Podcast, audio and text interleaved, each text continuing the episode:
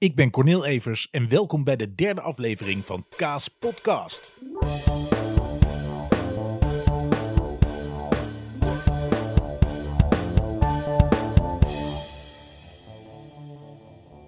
In Kaas Podcast neem ik elke dag van de week een item op over iets dat me bezighoudt, iets waar ik blij van werd, iets waar ik verdrietig van werd, iets waarvan ik denk dat ik er iets over te melden heb.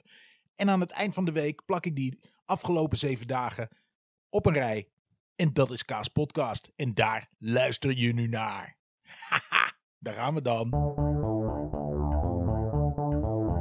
En het is weer zondag. Dames en heren. Leuk dat je weer luistert. Ehm, de derde alweer. Heerlijk. Uh, dat betekent dat ik nu voor de vijftiende keer op rij tegen jullie aan het babbelen ben. Nou, waar ga ik het vandaag over hebben? Ik uh, weet dat vandaag is gezegd dat de scholen over een week weer open gaan. In ieder geval de basisscholen. Um, nou ja, zoals je de, degene die al eerdere afleveringen hebben gehoord, weten dat ik daar uh, ja, toch wel blij mee ben. Kijk, het is natuurlijk allemaal raar en vreemd in deze tijden. Je moet rekening houden met corona en dat wil ik ook echt. Aan de andere kant moet je ook rekening houden met kinderen en met hun levens. En ik denk dat dit een goede afweging is. Ik denk dat heel veel ouders nu weer aan dingen toekomen. Um, dat niet iedereen de luxe heeft om zomaar zijn kinderen s ochtends de hele ochtend te begeleiden. Ik denk ook dat daardoor bepaalde kinderen uh, qua lessen buiten de boot vallen, wat niet zo heel erg is. Hè? Ik bedoel, wat is nou een jaar op een mensenleven? Als je later een jaartje later klaar bent met je studie, so fucking what. Maar uh, ik denk wel dat sociaal uh, bepaalde kinderen echt buiten de boot vallen. Die een onveilige thuissituatie hebben. Of gewoon ouders die ze niet uh, kunnen begeleiden. Of niet de ruimte hebben. Of kinderen in de buurt. Of ja, ik denk dat het in die, op die leeftijd toch wel heel belangrijk is voor je vorming als mens. Dat je met leeftijdsgenoten omgaat. Dus wat dat betreft ben ik er blij mee. En ik hoop dat het goed gaat. Dat het een goede keuze bleek.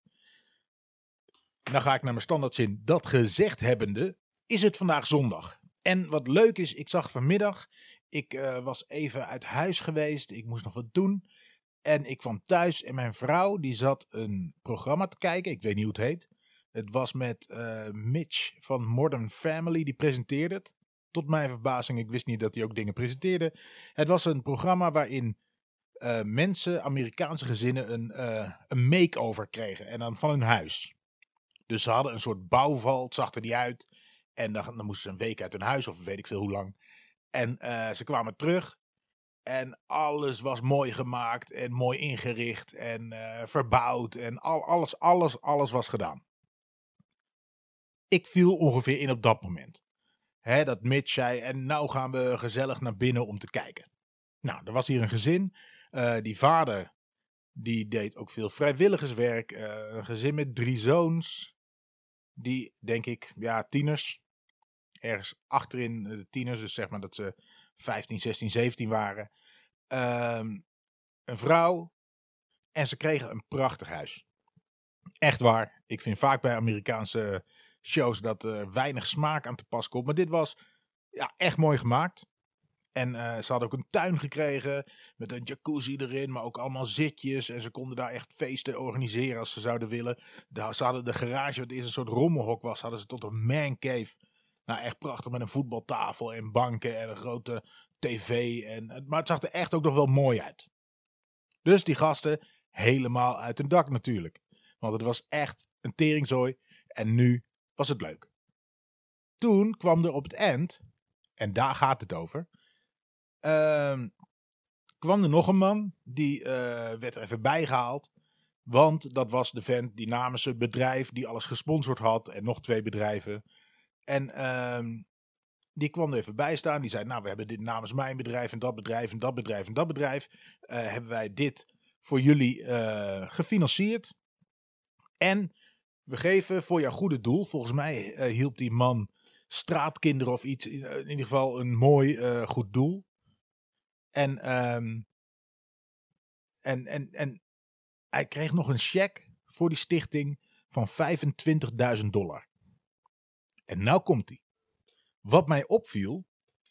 Kijk, die man was natuurlijk enorm blij. Enorm blij. Hij pakte de check aan. Maar wat hij toen deed. Was dat hij met zijn vingertjes naar boven wees. En zei: Thank you. Thank you, Lord. En toen ging hij vertellen hoe blij hij mee was. En wat hij er allemaal mee kon doen. En dat dit niet het einde was, deze make-over die hij kreeg. Maar dat dit juist een begin was van zoveel meer moois. Maar wat hij dus deed op dat moment. Hij kreeg die check. Die mensen hadden dat allemaal voor hem gedaan. Ook dat tv-programma, die zal ook waarschijnlijk een hoop betaald hebben. Maakt niet uit wie dat gedaan heeft. Allemaal mensen die dat voor hem geregeld hebben. En hij bedankte God.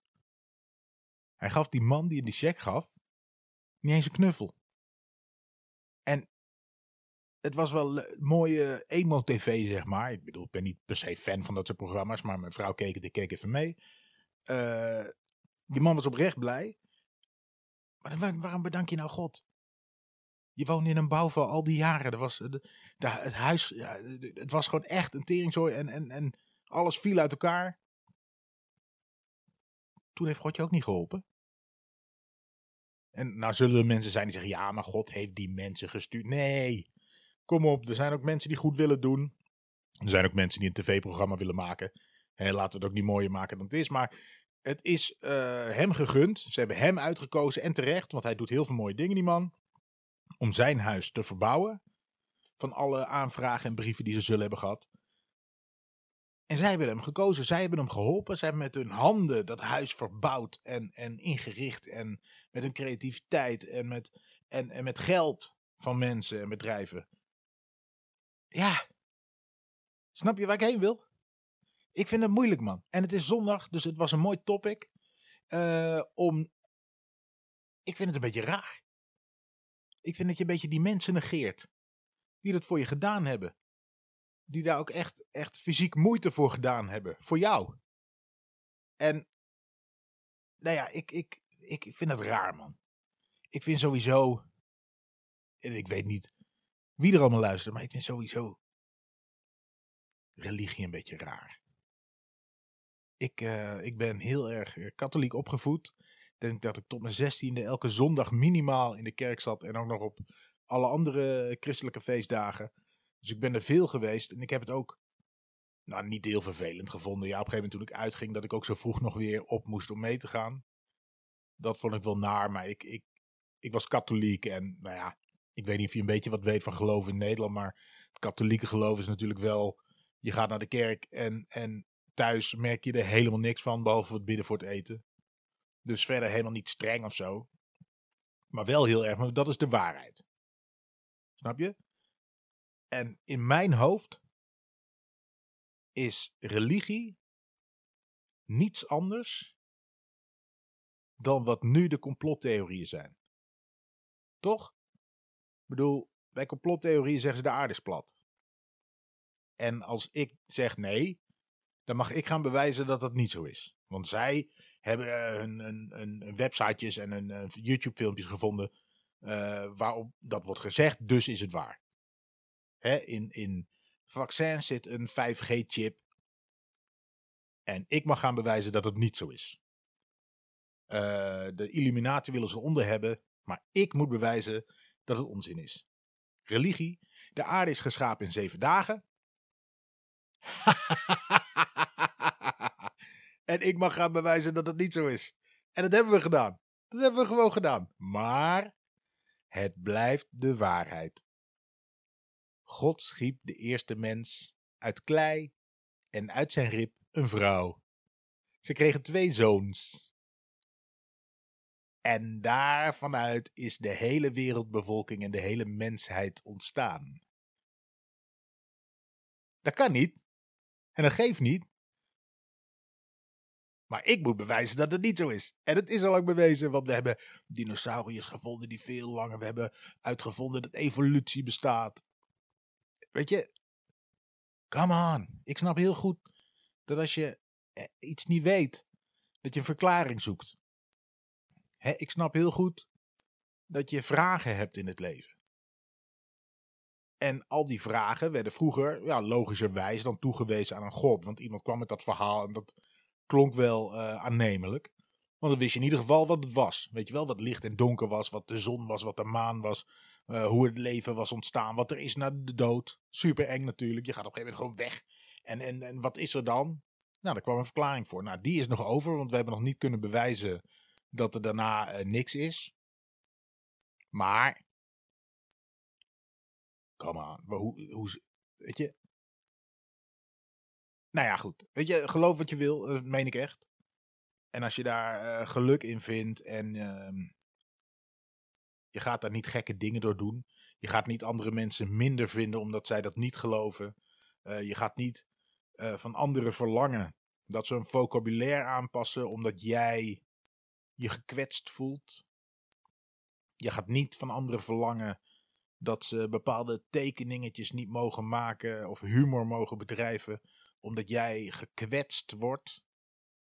Ik denk dat als je gelijk hebt, en dat meen ik echt hè, ik denk dat als je gelijk hebt en God bestaat of hoe jij jouw God ook noemt, en die vervelende atheïsten doen wat ze doen en leven zoals ze leven, en jij hebt gelijk en je hebt al die tijd gelijk gehad, dan denk ik dat God dit, dit probleempje heel goed zelf op kan lossen. Hè? Dat als het waar is van die hemel en die hel, dan lag jij het laatst. En ik en de mijnen zullen voor eeuwig huilen of schreeuwen van de pijn. Ah, wat een heerlijk vooruitzicht. Maar weet je, doe wat je doet, geloof wat je gelooft. Het maakt me echt niet uit. Het maakt me echt niet uit. Ik ga je ook niet anders behandelen omdat jij gelooft.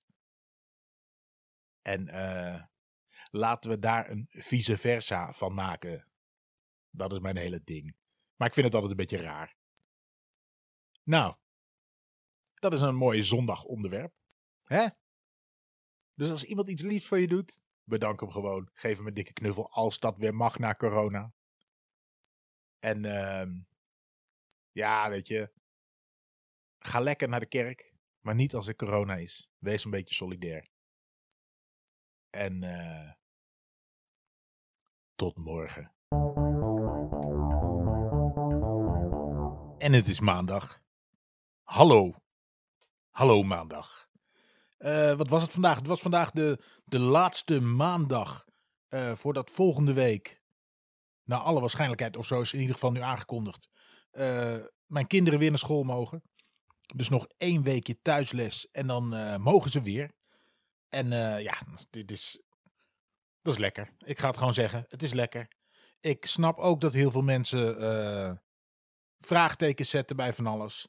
Maar volgens mij is het zo dat je ook op een gegeven moment moet accepteren. Weet je, zoals ik al eerder zei, eh, bij elke maatregel die strenger wordt, is het in het nadeel van het een, is het in het voordeel van het ander. Of minder nadelig voor de ander. En zo is dat ook met versoepelingen. En ik denk dat de voordelen voor de kinderen nu even zwaarder wegen dan de nadelen. Eh, dat is mijn bescheiden mening. Ik snap heel goed dat als je docent bent, dat je iets meer vraagtekens hebt. Ehm, nou ja, laten we hopen dat het goed gaat. Ik hoorde vandaag trouwens op de radio dat eh, ruim meer dan de helft van de mensen die thuis zou kunnen werken dat niet doet. En dan denk ik, laten we daar eens eerst naar kijken. Hè, als al die volwassenen nou eens zich volwassen gedragen, dan kunnen die kinderen weer kind zijn. Ja, toch. Oké, eh, dat gezegd hebbende, ga ik even kijken waar ik het over ga hebben. En dat is namelijk het volgende. Ik had eh, laatst door, om een of andere reden, ik was met iemand aan het heen en weer appen van wat we vroeger hadden gedaan. En eh, toen uh, stuitte ik op YouTube op een oude show van mijn band Fairfight. Of de, de band waar ik in speelde ten tijde dat ik op de toneelschool zat. En daar kwam ik bij, dat was een hardcore band. En dan niet hardcore als de house versie, maar hardcore als de punk versie, de hardere variant van punk. En uh, ik had met mijn broertjes en mijn beste vriend Jort, uh, hadden we een uh, bandje opgericht bij mij thuis, bij mijn ouders thuis op zolder. We hadden een drumstel, we hadden gitaren. En uh, daar begonnen we een band en die heette Strike Hands.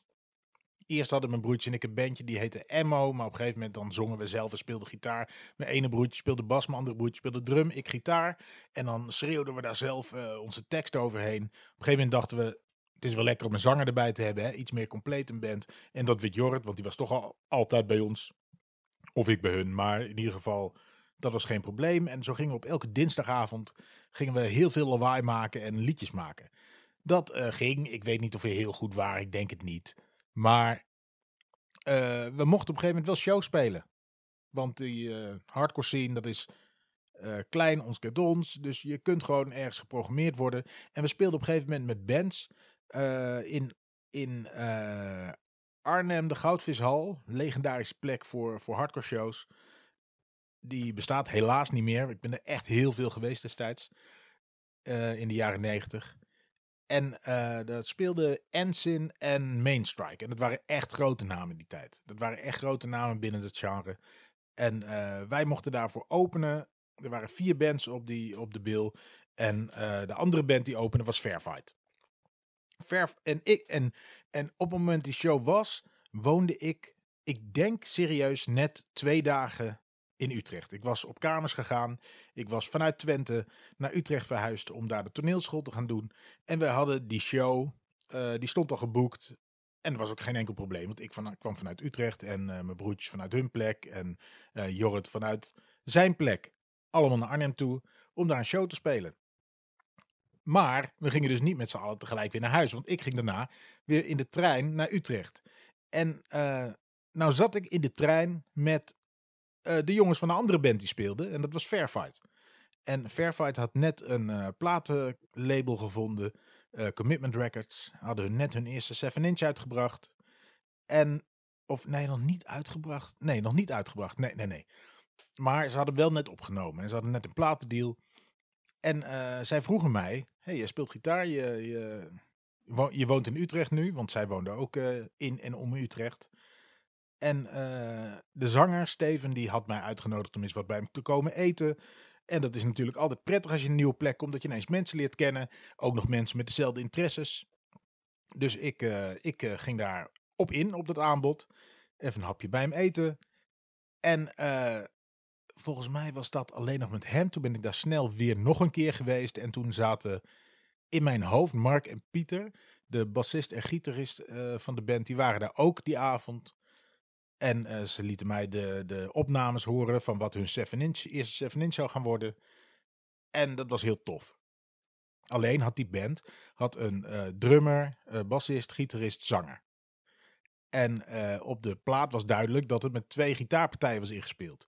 Dus op een gegeven moment werd ik gebeld van... Hé, hey, um, ze mogen je wel. Wil je niet eens komen in de repetitieruimte om te kijken of jij die tweede gitarist kan worden bij ons? Nou, ik ik zei natuurlijk ja, want wat is er mooier dan dat je ergens net woont. En dat je meteen in een bandje kan stappen. En niet zomaar een bandje, maar ook nog een band die, die al een platen, platendeal heeft. En die gewoon speelt. En uh, muziek heeft. En meer wilde. Dat merkte ik ook in de jongens.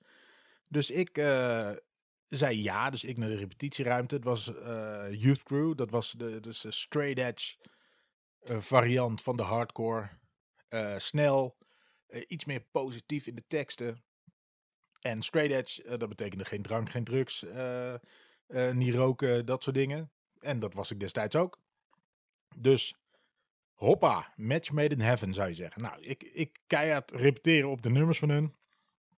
Ik in de repetitieruimte heb ik me destijds een klein beetje doorheen gebluft, omdat die stijl me nog niet helemaal bekend was. Met Strike Hand speelden we toch meer een soort New York hardcore, wat iets langzamer is.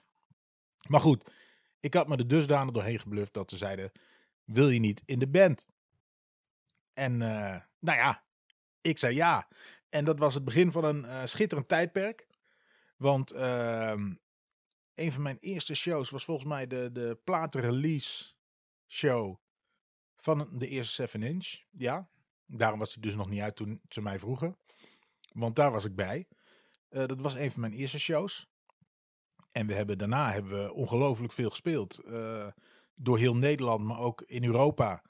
En in de zomer betekent dat uh, ja, 14 dagen in een busje en eh 14 uur rijden naar de volgende plek.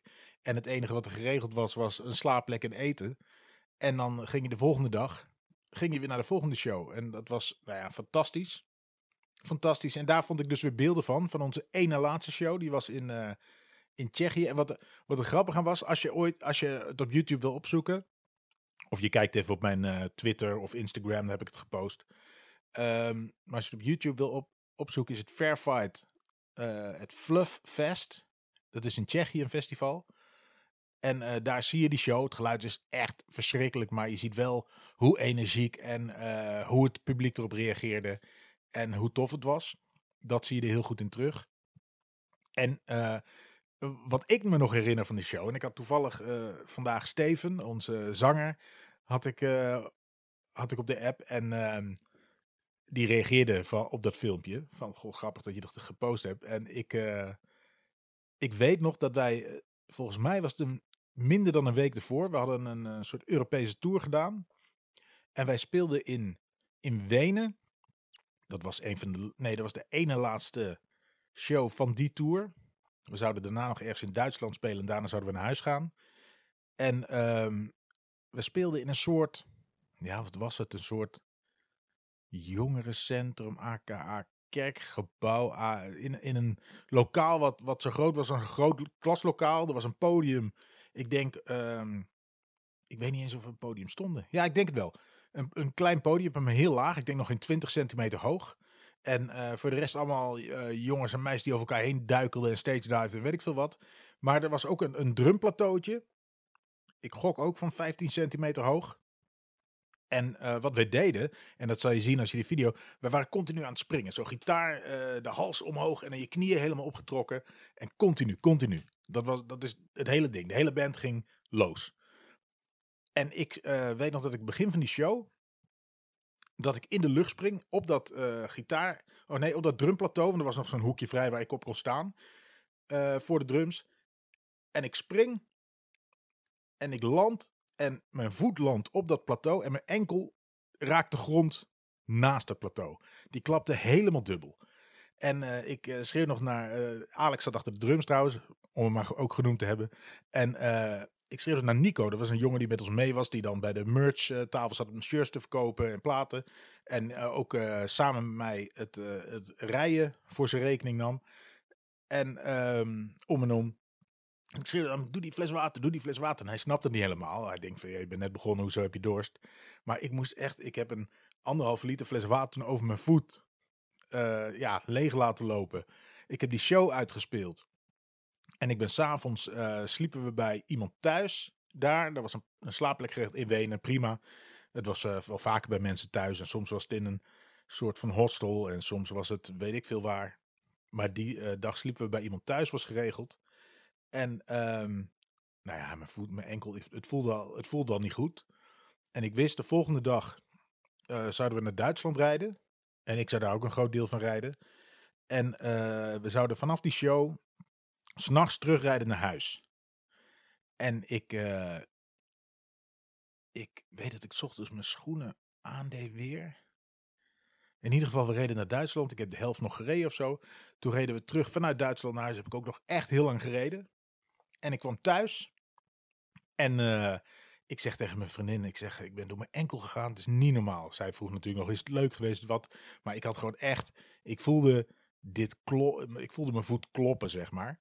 En ik deed mijn schoenen uit en mijn sokken uit en mijn hele voet was zwart. Zwart.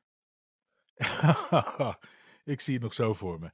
En eh, mijn vriendin schrok zich rot. Die zei, je moet nu naar de dokter. Ik zei, nou, nou, wacht maar heel even. Dus ik die avond, nou, de kleur die trok op een gegeven moment wel weer een beetje bij. Maar het was niet goed. Maar we moesten wel eh, een paar dagen later weer naar Tsjechië toe. En dan zouden we naartoe rijden s'nachts. Dan zouden we spelen op een festival. Dan zouden we s'nachts weer terugrijden, want de dag daarna speelden we in Arnhem. En dat was onze allerlaatste show. Dus eh, ik deed het en ik weet nog in Tsjechië dat ik... Ik moest mijn gitaartop op de eh, versterker zetten. En ik moest een trappetje op naar het podium, want dat was wel een hoog podium, een grote zaal, heel veel mensen. En ehm, ik dacht, dit, dit is gekke werk. Dus ik denk, sta stil. En dan zie ik die beelden nu terug en ik ben continu aan het springen. Dat is gewoon wat adrenaline dan met je doet. Ik was continu, continu. En ik heb die toen weer gereden. Het was echt gekke werk. En ik ben er nooit meer naar de dokter geweest. Maar ik weet echt nog hoeveel pijn het deed. En ik weet dat ik tijdens die show daar niks van gevoeld heb. En het is later trouwens ook wel weer eens teruggekomen hoor. Dat is net als uh, toen ik met um, uh, brokstukken speelde. Dat was een cabaret trio. Hebben in 2005 stonden we in de finale van het Leids Cabaret Festival. Hebben we daarna tien jaar uh, mee getoerd door heel Nederland. alle theaters hebben we gezien. En daar hebben we ook nog nooit een show afgezegd. Ja, één keer. Toen ik niet, maar een ander, de um, Arjan. Die had blinde darmontsteking. Is de enige keer dat een show hebben afgezegd. En uh, de rest van de tijd, ook als je ziekig was, speelde je gewoon. En nu in deze tijd is het gek om te zeggen. Maar toen waren we daar een soort van trots op. Waarvan, en, en het kan ook. Want op het moment dat je speelt, adrenaline maakt dat je gewoon kan spelen. Ik weet dat we de eerste keer dat we in een kleine komedie stonden. Ik was echt ziek. Ik was echt ziek. En uh, het was in een cabaret de vette. En dan speel je met drie acts op een avond. En ik denk dat wij 40 minuten moesten spelen. En uh, die hebben we gespeeld. En ik kwam af en ik zakte gewoon echt door mijn hoef heen. Ineens, ineens klapt die, dat ziek zijn er dan weer uh, volledig in. En tijdens die show hebben we gewoon gespeeld. Het was daardoor misschien niet onze beste show ooit. Maar weet je, de kleine komedie ga je niet afzeggen. En het klinkt nu gek, want nu weet ik denk, ik denk dat een van de dingen met corona is dat um, ja, dat we misschien in de toekomst toch, als we ons een beetje ziek voelen, dat we het niet meer stoer vinden dat iemand dan toch op zijn werk komt of uh, iets gaat doen met andere mensen. Omdat je gewoon besmettelijk bent. Maar goed, dat, dat was toen. En uh, dat was de gekke tijd. En ik hoop dat het een beetje een samenhangend verhaal was. Maar uh, ja, wellicht een leuk inkijkje van wat ik allemaal nog meer heb gedaan in mijn leven. Dus ik zou zeggen, tot morgen. En het is dinsdag. En wat viel mij vandaag op, dat was Wopke Hoekstra van het CDA, dames en heren. Ja, hij wil dan. Hij, hij, ah, in deze tijd dat iedereen het lastig heeft, gaat de. Nou ja, gaat de. De ex-preces van Minerva. Die gaat zijn vriendjes nog even matsen door te zeggen dat hij wil dat de salarissen van commissarissen hè, bij grote nationale bedrijven dat die omhoog moeten. Want die hebben het zo moeilijk. Een commissaris die is niet 40 uur per dag aan het werk of 40 uur per week. Nee, die zit een paar keer bij en die geeft advies. En die krijgt daar zo'n slordige 20 tot 30.000 euro voor. En dat kan natuurlijk niet, hè, want in het bedrijfsleven krijgen ze veel meer. Ja, ja, want in het bedrijfsleven betalen wij dat niet met z'n allen, meneer Hoekstra. En die mensen die doen het gewoon naast hun uh, baan. Dat zijn vaak mensen die al genoeg geld hebben. Dus, um, hè? Zullen we dit geld eens gaan investeren in mensen die het echt kunnen gebruiken? Ik noem de zorg, ik noem agenten, ik noem onderwijzers. Ik noem voor mijn pad boeren, ik noem de horeca, ik noem de culturele sector. Maar uh, nou ja, dit alles duidt er waarschijnlijk vooral op dat meneer Hoekstra nu ook ziet dat het lijsttrekkerschap uh, niet een, levenslange carrière uh, met zich mee zal brengen. Dus die gaat waarschijnlijk ook ooit eens commissaris worden. En die wil natuurlijk zijn eigen portemonnee nu veilig stellen. Want zo gaat dat. ja, hè? leer uh, rijke gastjes kennen. Dat doen ze. Nee, even zonder, zonder al te veel uh, in complotten te willen denken. Dit is gewoon zo. Ja, toch? Hè? Had ik het laatst over links en rechts. Nou, meneer Hoekstra bewijst dat CDA inmiddels naast de VVD staat. Zo simpel is het. Het is niet uh, een, een, ik bedoel dat christelijk in hun naam. Vind ik sowieso al raar hoor, dat je in de politiek überhaupt uh, christelijke partijen hebt. Want we hebben toch scheiding van kerk en staat, zou je zeggen. Hè? We willen niet. Uh, nou ja, goed, daar kunnen we ook voor kiezen of niet. Het is ook aan de kiezer om dat af te straffen of niet. Daar moet ik ook helemaal niks van zeggen. Ik hoorde. Nou ja, dat dus. Dat dus. Eigenlijk wil ik dat zeggen. Wopke Hoekstra, volgens mij graaf je eigen graf. Volgens mij is het CDA bij deze af. Want mensen die dat soort dingen vinden, die stemmen wel VVD. En ehm, ja.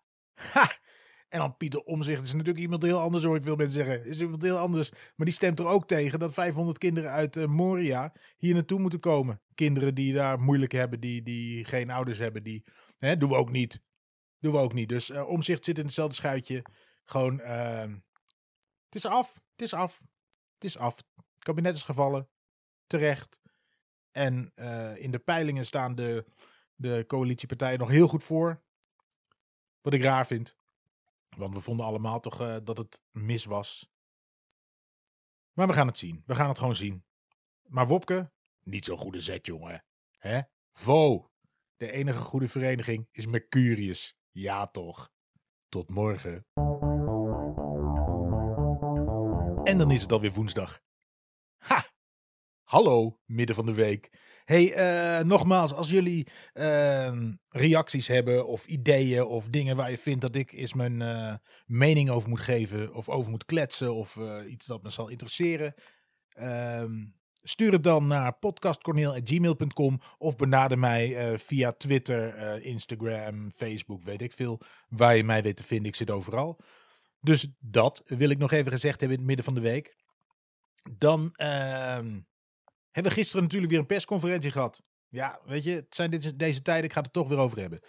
Um, de kinderen van de basisschool, die mogen uh, maandag uh, weer naar school. En ik moet zeggen dat ik daar uh, op persoonlijke titel al wel eerder voorstander van was. Dat heb ik ook al wel gezegd in deze podcast. Um, wat ik goed vond aan de persconferentie, was dat daar eh, vrij duidelijk werd uitgelegd waarom dat nu wel kon. En wat ik dan merk uh, na de tijd op social media en weet ik veel waar, dat mensen alleen maar boos, boos, boos blijven en niet hebben geluisterd. Hè, ik wil het niet opnemen voor de politieke kleuren van uh, meneer De Jong en meneer Rutte. Echt helemaal niet. Maar als ze dingen zeggen, is het wel zo handig uh, als je commentaar wil hebben om ernaar te luisteren. Want wat bleek nou? Ze hadden eigenlijk richting kerst of na kerst de uh, scholen alweer open willen doen. Maar door de Britse variant uh, zaten ze ineens in een nieuwe situatie. En dat was een situatie waarin werd gesuggereerd dat die variant eventueel veel besmettelijker was voor kinderen en door kinderen. Dat zij uh, eerder een ander zouden besmetten en er eventueel zelf ook meer last van zouden kunnen hebben. Nou, dat is een hele goede reden om de scholen dicht te houden. En nu is dat onderzocht. En er is geen enkele aanwijzing geweest, wetenschappelijk, om aan te nemen dat dat inderdaad het geval is. Dus, dus het blijkt dat die, die, die, uh, dat virus, wat inderdaad besmettelijker is uh, voor volwassenen, dat dat voor kinderen nog altijd niet geldt. En ik, ik vond dat een hele plausibele reden. Want, want je wil dat kinderen naar school gaan. Uh, net als dat je wil dat er geen avondklok is. En dat wil echt iedereen iedereen die je aanpraat dat dit uh, kabinet ons eronder wil houden en dat er een plan is om ons. Onzin, mensen. Echt, echt pertinente, pertinente onzin. We voelen ons allemaal kloten en niemand wil dit. Echt niet. Ook die gasten niet. En ja, ze doen dingen fout. Zeker. Maar dit, hier zit geen plan achter om ons, om ons dwars te zitten. Zo simpel is het nou eenmaal. Accepteer het maar. Het leven is soms echt verrot. Echt verrot, heel moeilijk, lastig te begrijpen, lastige materie. En er zit geen hoger plan achter, behalve dat mensen op hun manier heel hard werken om daar vanaf te komen. En nee, dat doen ze niet altijd goed. Zo gaat dat. Een ander had dit ook niet allemaal goed gedaan. Dus de scholen gaan weer open. Uh, de winkels, weer zo'n misverstand. De winkels die mogen, uh, die gaan niet open, maar je mag er vanaf volgende week wel uh, bestellen en afhalen. Nou moet je wel vier uur voordat je iets gaat afhalen het besteld hebben. Online dan wel telefonisch. En dan hoorde ik weer, want dat zou funshoppen tegengaan. Dan lees ik weer op social media en wordt ook veel gedeeld. Ja, maar hoezo is dit nou weer, eh, mag niet fun, hoezo fun shoppen en wat is dit nou vier? Jongens, dat is toch heel logisch? De Nederlander, in het bijzonder, vindt altijd de maas van de wet. En dat is onze kracht en dat is onze zwakte op een moment dat jij gewoon mag bestellen en afhalen. En er zit niet zo'n tijdslimiet, zo'n zo'n tijd tussen, verplicht. Dan gaan mensen naar de winkel toe, kijken de winkelier aan. Die pakken hun telefoon in de hand. De winkelier pakt voor de, tele voor de vorm, neemt hij hem ook op. En die zegt, ik wil drie zakken aardappelen. De winkelier pakt ze en geeft ze mee. Dan is het alsnog winkelen. Dan gaan mensen langs etalages lopen en die zien dan een dingetje en denken, oh, die wil ik wel. Ik ga bellen nu naar die winkel en die geeft mij dat mee. Dat gaat er dan gebeuren en daarom is die vier uur. Is het lastig? Jazeker. Maar is het ook fijn dat je straks weer dingetjes kan halen en je lokale ondernemers kan steunen? Jazeker. Dus doe dat dan ook vooral. je hebt de vrijheid om naar zo'n winkel toe te gaan op het moment dat je besteld hebt. Maak gebruik ervan. Loop er even naartoe. Fiets er even naartoe. En steun die lokale ondernemers. En ga niet overal over lopen zeiken. Elke maatregel en elke versoepeling is in het voordeel van de een iets meer en het nadeel iets meer van de ander. En er zijn nog steeds sectoren die helemaal plat liggen. Hè? En die moeten we helpen. Dus uh, ja, dat was de persconferentie. Ik vond het, uh, ja, weet je, alles wordt al uitgelegd, dus eigenlijk weet je alles al. Maar ik vond de uitleg deze keer, uh, ja, ik ga het gewoon een keer eerlijk toegeven. Ik vond hem best goed. De uitleg, ik vond hem helder. En ik snap alle zorgen, en zeker van leraren. dus ik denk, hou die lerarenkamer dicht. Kom niet bij elkaar in de buurt. Vergader online, vanuit je klaslokaal of thuis. En dan hoop ik dat alles goed gaat. Oh ja, en dit weekend hoor ik net, gaat het misschien heel hard sneeuwen. En jullie luisteren dit dit weekend, of daarna. Dus jullie weten of dat is gelukt. En meestal, die weersvoorspellingen van morgen gaan al nergens over. Maar dit weekend zouden in Nederland tussen de 20 en 40 centimeter sneeuw kunnen vallen. Oh, ik heb er wel zin in. Ik heb daar wel zin in. Maar goed, we gaan het meemaken. Uh, ja, dan zeg ik tot morgen. En het is donderdag. En wat heb ik vandaag gedaan? Ik heb vandaag weer een ode opgenomen bij de Galgenwaard, het FC Utrecht Stadion. Uh, over de afgelopen wedstrijd. Dat was uh, tegen Zwolle en we hadden gewoon moeten winnen. En het werd 3-3. Vooral verdedigend niet erg sterk deze keer. Wat bijzonder was, omdat we juist de drie wedstrijden voor de nul hadden gehouden. Even balen. Maar goed, wel een punt eruit gesleept in de laatste, laatste minuut. Dus, uh, nou ja, goed. Weet je, Zulke wedstrijden heb je ertussen. Maar we gaan dit weekend. En het hangt wellicht een beetje van het weer af. Het zou kunnen dat die afgelast wordt. Maar daar gaan we voor nu maar even niet vanuit. Moeten we tegen Ajax. en uh, ja, dat zijn voor mij tijden dat ik op Twitter echt uh, irritant kan zijn. En dat is bewust. En uh, waarom is dat? Ik heb het ook wel eens geprobeerd tegen andere clubs. Maar Ajax-supporters. Ah, man. Die happen overal op. En dat is heerlijk. En ik zeg natuurlijk vooraf dat we gaan winnen. Dat Ajax er niks van gaat bakken. en ik weet ook wel dat wij FC Utrecht zijn en dat Ajax een begroting heeft van, van 20 keer die van ons. Hè? Dus zij moeten winnen. Zij moeten gewoon winnen. En daarom is er niks heerlijkers dan vooraf de boel op scherp te zetten. En waarom? Omdat we in het verleden ook nog wel eens van ze hebben gewonnen. Op een of andere manier zijn wij een soort angstgegner. Totaal onterecht. Want nogmaals, ze hebben echt veel geld. Ze hebben spelen. Ik denk dat één speler van hun even duur is als ons hele elftal. Sterker nog, misschien wel tien keer zo duur als ons hele elftal. Wat ze nu ook hebben gedaan. Sebastian Haller is een legende in Utrecht. Is een van de beste spelers die wij ooit op het veld hebben gehad. Die heeft via omzwervingen van Duitsland, waar hij het goed deed, naar Engeland, is hij nu gekocht door Ajax voor 22 miljoen euro. 22 miljoen euro. Hè, dat, is, dat, is, dat is meer dan vier keer onze hele begroting. En wat hebben ze nou gedaan? ze spelen nog in Europa. En ze zijn hem vergeten aan te melden. en dan mag je dus niet meespelen in Europese wedstrijden. De duurste aankoop ooit. Een spits die het verschil moest maken. Dit seizoen. Die het kan maken of breken dit seizoen. En waar kun je het mooier maken dan in Europa? En die hebben ze vergeten aan te melden. Ah, ik dacht dat wij amateurs waren.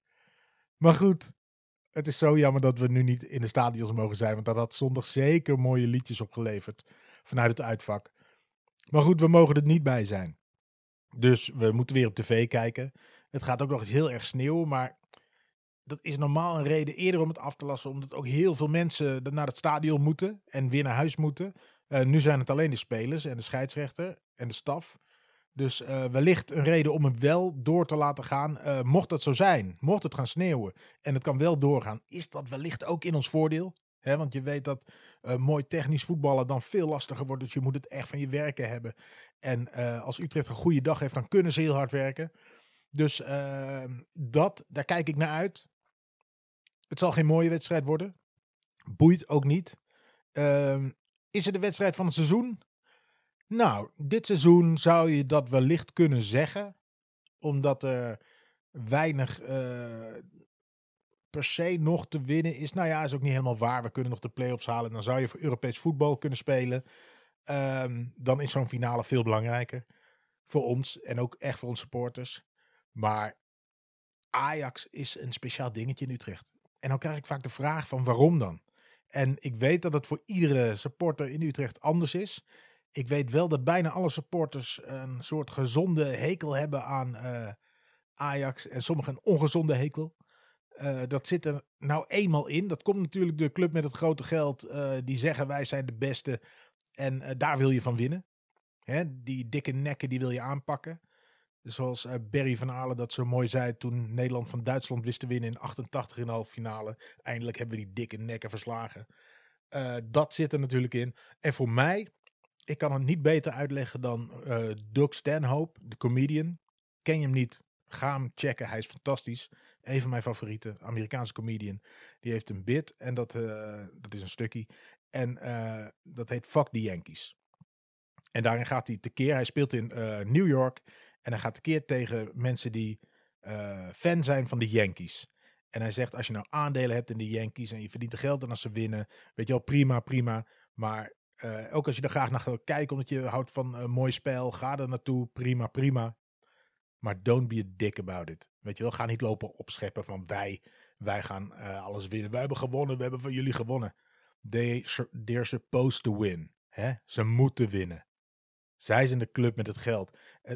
Hij zegt over de Yankees, en ik kan het één op één, wat mijn gevoel is voor Ajax. It's like going to the casino and cheer for the house. That's my dealer, motherfucker. And be a dick about it. They're supposed to win. En daarom snap ik niet. Kijk, ik snap als je in Amsterdam geboren bent, je bent met je opa daar naartoe gegaan, je hebt er een gevoel bij. Helemaal prima. Maar als ik in de trein zit, die langs, uh, vanuit Utrecht langs de arena gaat op een wedstrijddag van hun, dan zie ik allemaal mensen in Ajax-shirts met een Fries accent, met een Limburgs accent. Uh, die, die lopen op te scheppen over hoe goed Ajax het gaat doen en uh, hoe erg ze van een club houden. Weet je, het is zo'n zo makkelijke keuze. Het is zo'n makkelijke keuze. En nu krijg ik terug van sommige mensen. Ja, maar Corneel, jij bent in Almelo geboren. Moet je dan niet voor uh, in Wierden opgegroeid? Moet je dan niet voor FC Twente zijn? Of sommigen die iets beter opletten en zeggen, weten dat ik in Almelo geboren ben, moet je dan niet voor Herakles zijn? Had gekund. Had gekund. Ik ben alleen, uh, ik heb alleen de pech gehad, of ik ben achteraf gezegend, dat mijn vader heeft niks met voetbal. Maar niks, niks, niks, nul, noppes, nada, niks. Die houdt niet van voetbal, die vindt er niks aan. Dus ik heb voetbal niet meegekregen vanuit huis. Ik heb echt in 88 voetbal leren kennen. Toen heb ik dat toernooi helemaal gevolgd uh, met vriendjes en uh, helemaal aan mijn stekker gegaan. En toen dacht ik, wat is dit gaaf. Maar ik heb nooit een club gehad. Dus ik heb altijd voetbal gekeken. Ook met mijn broertjes keken we echt Studiosport en Champions League en dat soort dingen. En natuurlijk het Nederlands elftal. En uh, toen ik in Utrecht kwam wonen, toen woonde ik in een studentenhuis vlakbij het stadion. En ik had een huisgenoot, Erwin Sandé. En die kwam altijd op zondag, als Utrecht speelde, met een sjaal om. En, uh, en uh, deed Herman Bekino over de speakers. Dat is de, de, de lokale held uh, muzieksgewijs. Die maakte liedje over FC Utrecht, prachtig. En, uh, en dat zette hij dan op. En ik dacht, ah man, wat tof dat hij dat zo beleeft. En toen vroeg hij, ga eens mee. En toen ben ik meegegaan. Na die wedstrijd heb ik ook een seizoenkaart gekocht. Dat is nu zo'n twintig jaar geleden. En uh, in alle eerlijkheid, ik, ik ben vooral meegegaan omdat ik dacht, ik woon hier. En nu heb ik op uh, één keer in de twee weken, heb ik op zondag, want we speelden toen altijd op zondagmiddag, uh, is dit een hele leuke bezigheid. Voetbal kijken, ik hou ervan. En toen kwam ik in het stadion en toen ben ik uh, langzamerhand. Het ging redelijk vlot, maar ik ben verliefd geworden op die club. Alsof de, ja, dit klinkt heel stom, alsof de club mij heeft uitgekozen. Dat ik eindelijk op een plek was dat ik dacht, oh ja, hier wil ik bij horen. En uh, dat, ja, dat is er gebeurd. En, en in de loop der jaren ben ik meer gaan doen. Uh, ben ik de club meer leren kennen. Als eerst supporters en toen van binnenuit uh, door allerlei dingen die ik heb gedaan. En het is mijn club. Het is gewoon mijn club. En mijn kinderen zijn in Utrecht geboren, staat in hun paspoort. Dus ik heb twee nieuwe Utrechters gemaakt. Die heb ik ook lid gemaakt van de Junior Tigers. Dat is de kindervereniging. Dus ik denk dat ik er best bij mag. Maar het wordt altijd tegen me gebruikt. Dat ik er niet vandaan kom. En zeker als het even niet goed gaat. En ik ben net te positief. Want ik wil altijd de club supporten. ik wil ze niet afbranden. Ik heb niet het gevoel dat het werkt. Niet bij voetbal en nergens niet. Dus, uh, nou ja. De zondag tegen Ajax. Dus uh, waar ik, wat vooral leuk is voor mij. Omdat ik op Twitter gewoon echt een leuke week heb. Ik kan echt mensen zieken. En dat het me ook alleen maar veel plezier doet. Als, uh, als mensen uh, happen terugreageren. En het en niet snappen dat ik met zo'n dikke grijns om de smoel die teksten zit in te typen. Heerlijk. Nou, voor nu. Tot morgen. Het is vrijdag. En wat een dag. maar echt een hele leuke dag. We, uh, zoals ik al zei, spelen wij uh, zondag als het goed is, hè, want het gaat sneeuwen, dus het kan zomaar afgelast worden. Maar als het goed is, spelen wij tegen Ajax met FC Utrecht. En wat gebeurt er nou deze week?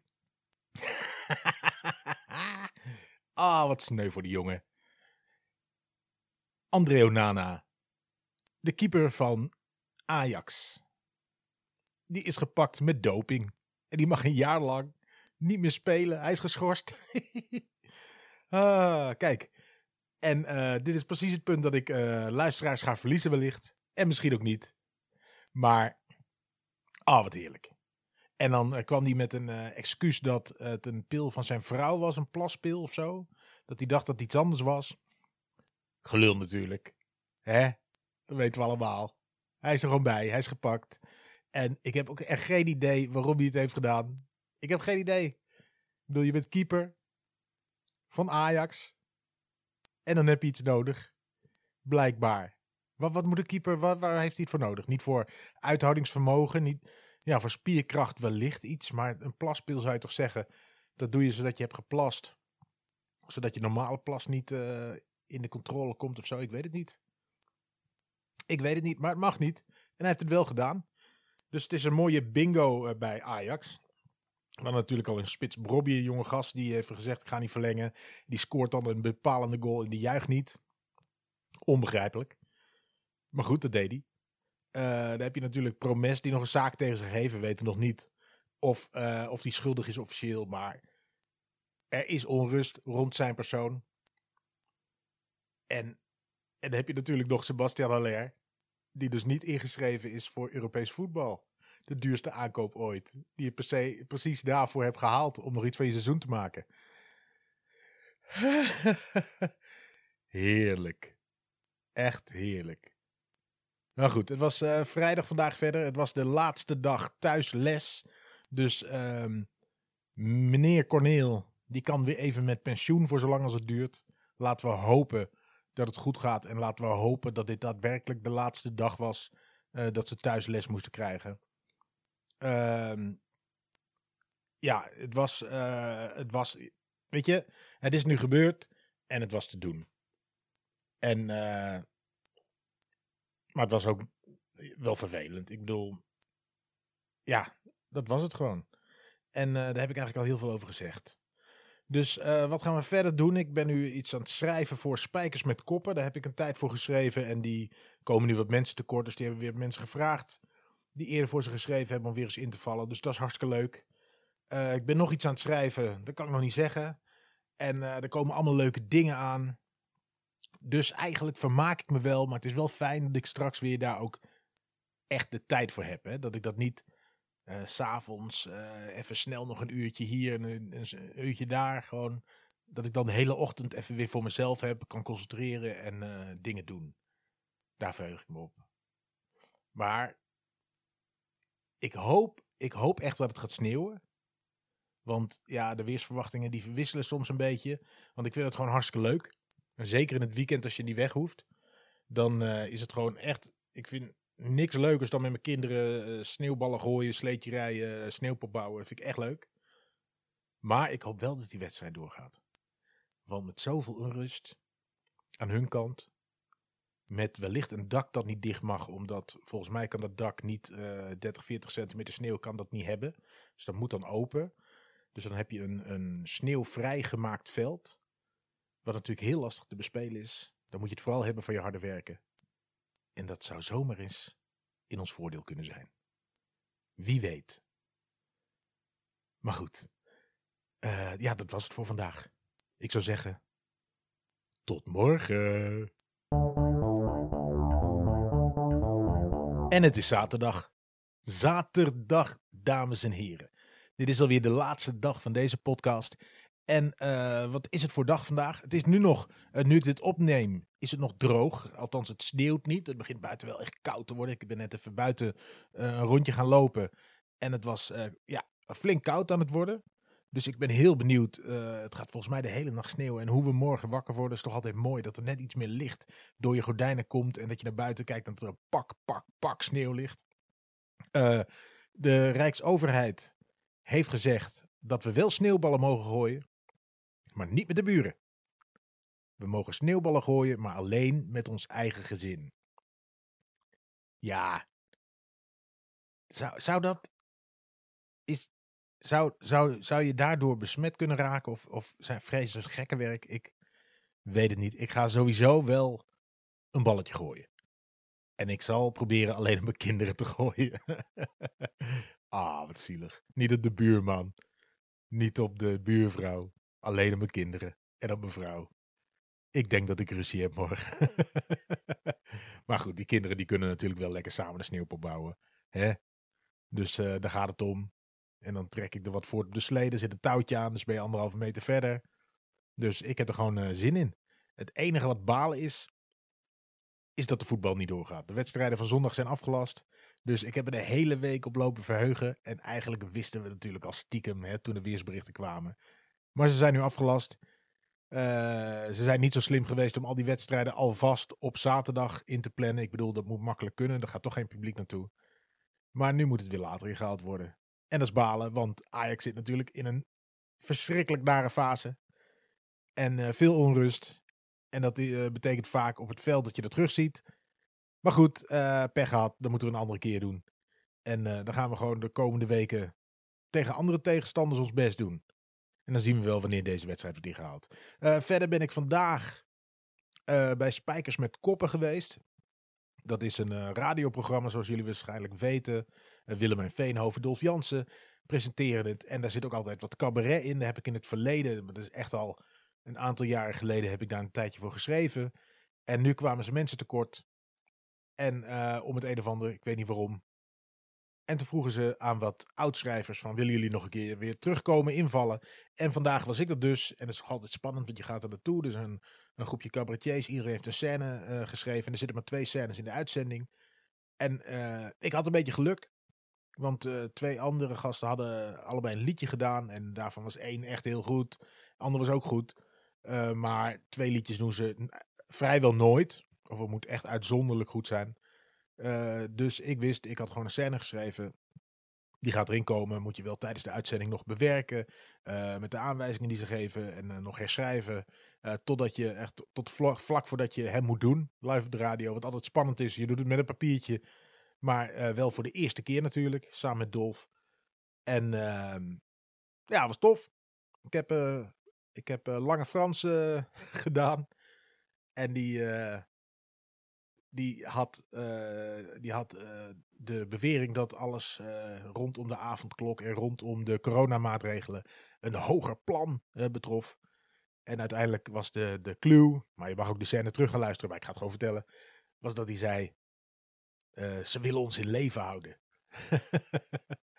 Ze willen ons in leven houden. Daar kwam die achter door heel erg veel uh, zelfonderzoek te doen. Uh, eigenlijk zoals het is. Als je echt goed zelfonderzoek doen, doet, dan weet je dat het allemaal van zijn eigen best wel is. En hoe het in elkaar steekt. Het is maar net waar je onderzoek doet. Hè?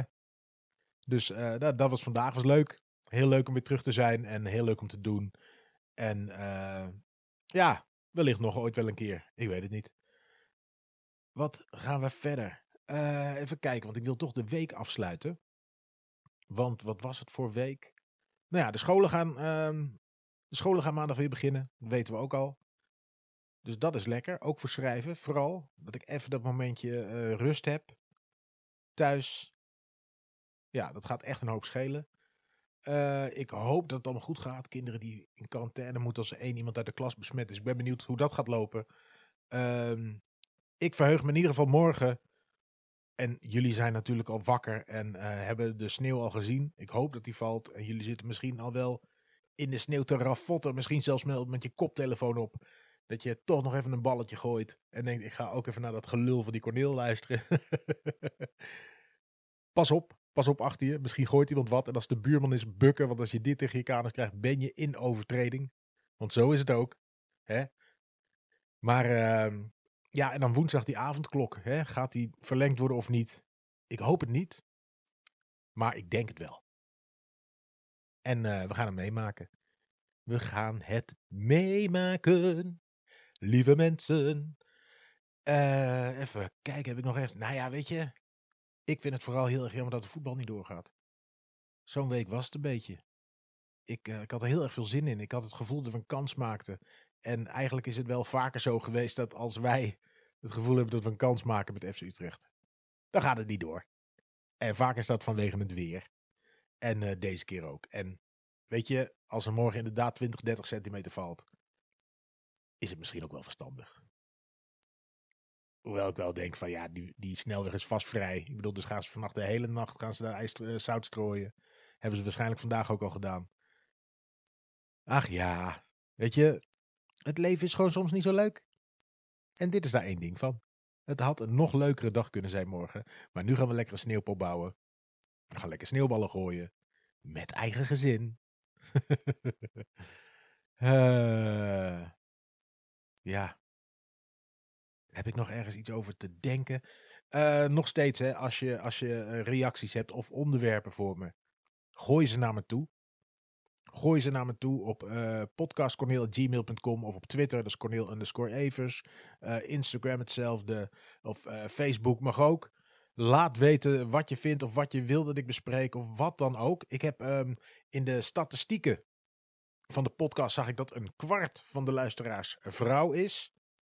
Welkom allemaal. Leuk dat jullie er zijn. Jullie klimmen langzaam, want het begon ergens op 22%. Jullie zitten nu op een kwart. En uh, de rest is mannen. Dus misschien maak ik wel heel erg een mannending. Doe ik niet bewust, maar het zou zomaar kunnen. Of uh, mannen hebben hun iTunes of, of Spotify ingesteld en uh, de vrouw luistert mee. Dat zou ook kunnen. Dus dat het eigenlijk wel een vrouw is, maar dat hij als man geregistreerd wordt in uh, mijn statistieken. misschien moet ik wat meer vrouwendingen gaan bespreken. Hè? Dus als je daar ideeën voor hebt, laat het me weten. Ik moet er nog iets, iets met een knaller uit, merk ik. Met welke knaller zal ik eruit gaan? Heb ik nog nieuws? Ik heb eigenlijk helemaal geen nieuws. Wat moet er besproken worden? Nee, helemaal niet. Dat ga ik gewoon lekker volgende week doen. Want uh, volgens mij komt er een hele leuke week aan met allemaal dingen. Uh, misschien wat meer in die politiek duiken. Kijken of de campagne zal van start gaan. Daar ben ik heel benieuwd naar wie wat gaat doen en wie wat gaat zeggen. En uh, dat is het. Dat is het gewoon. Dus voor nu zeg ik tot volgende week.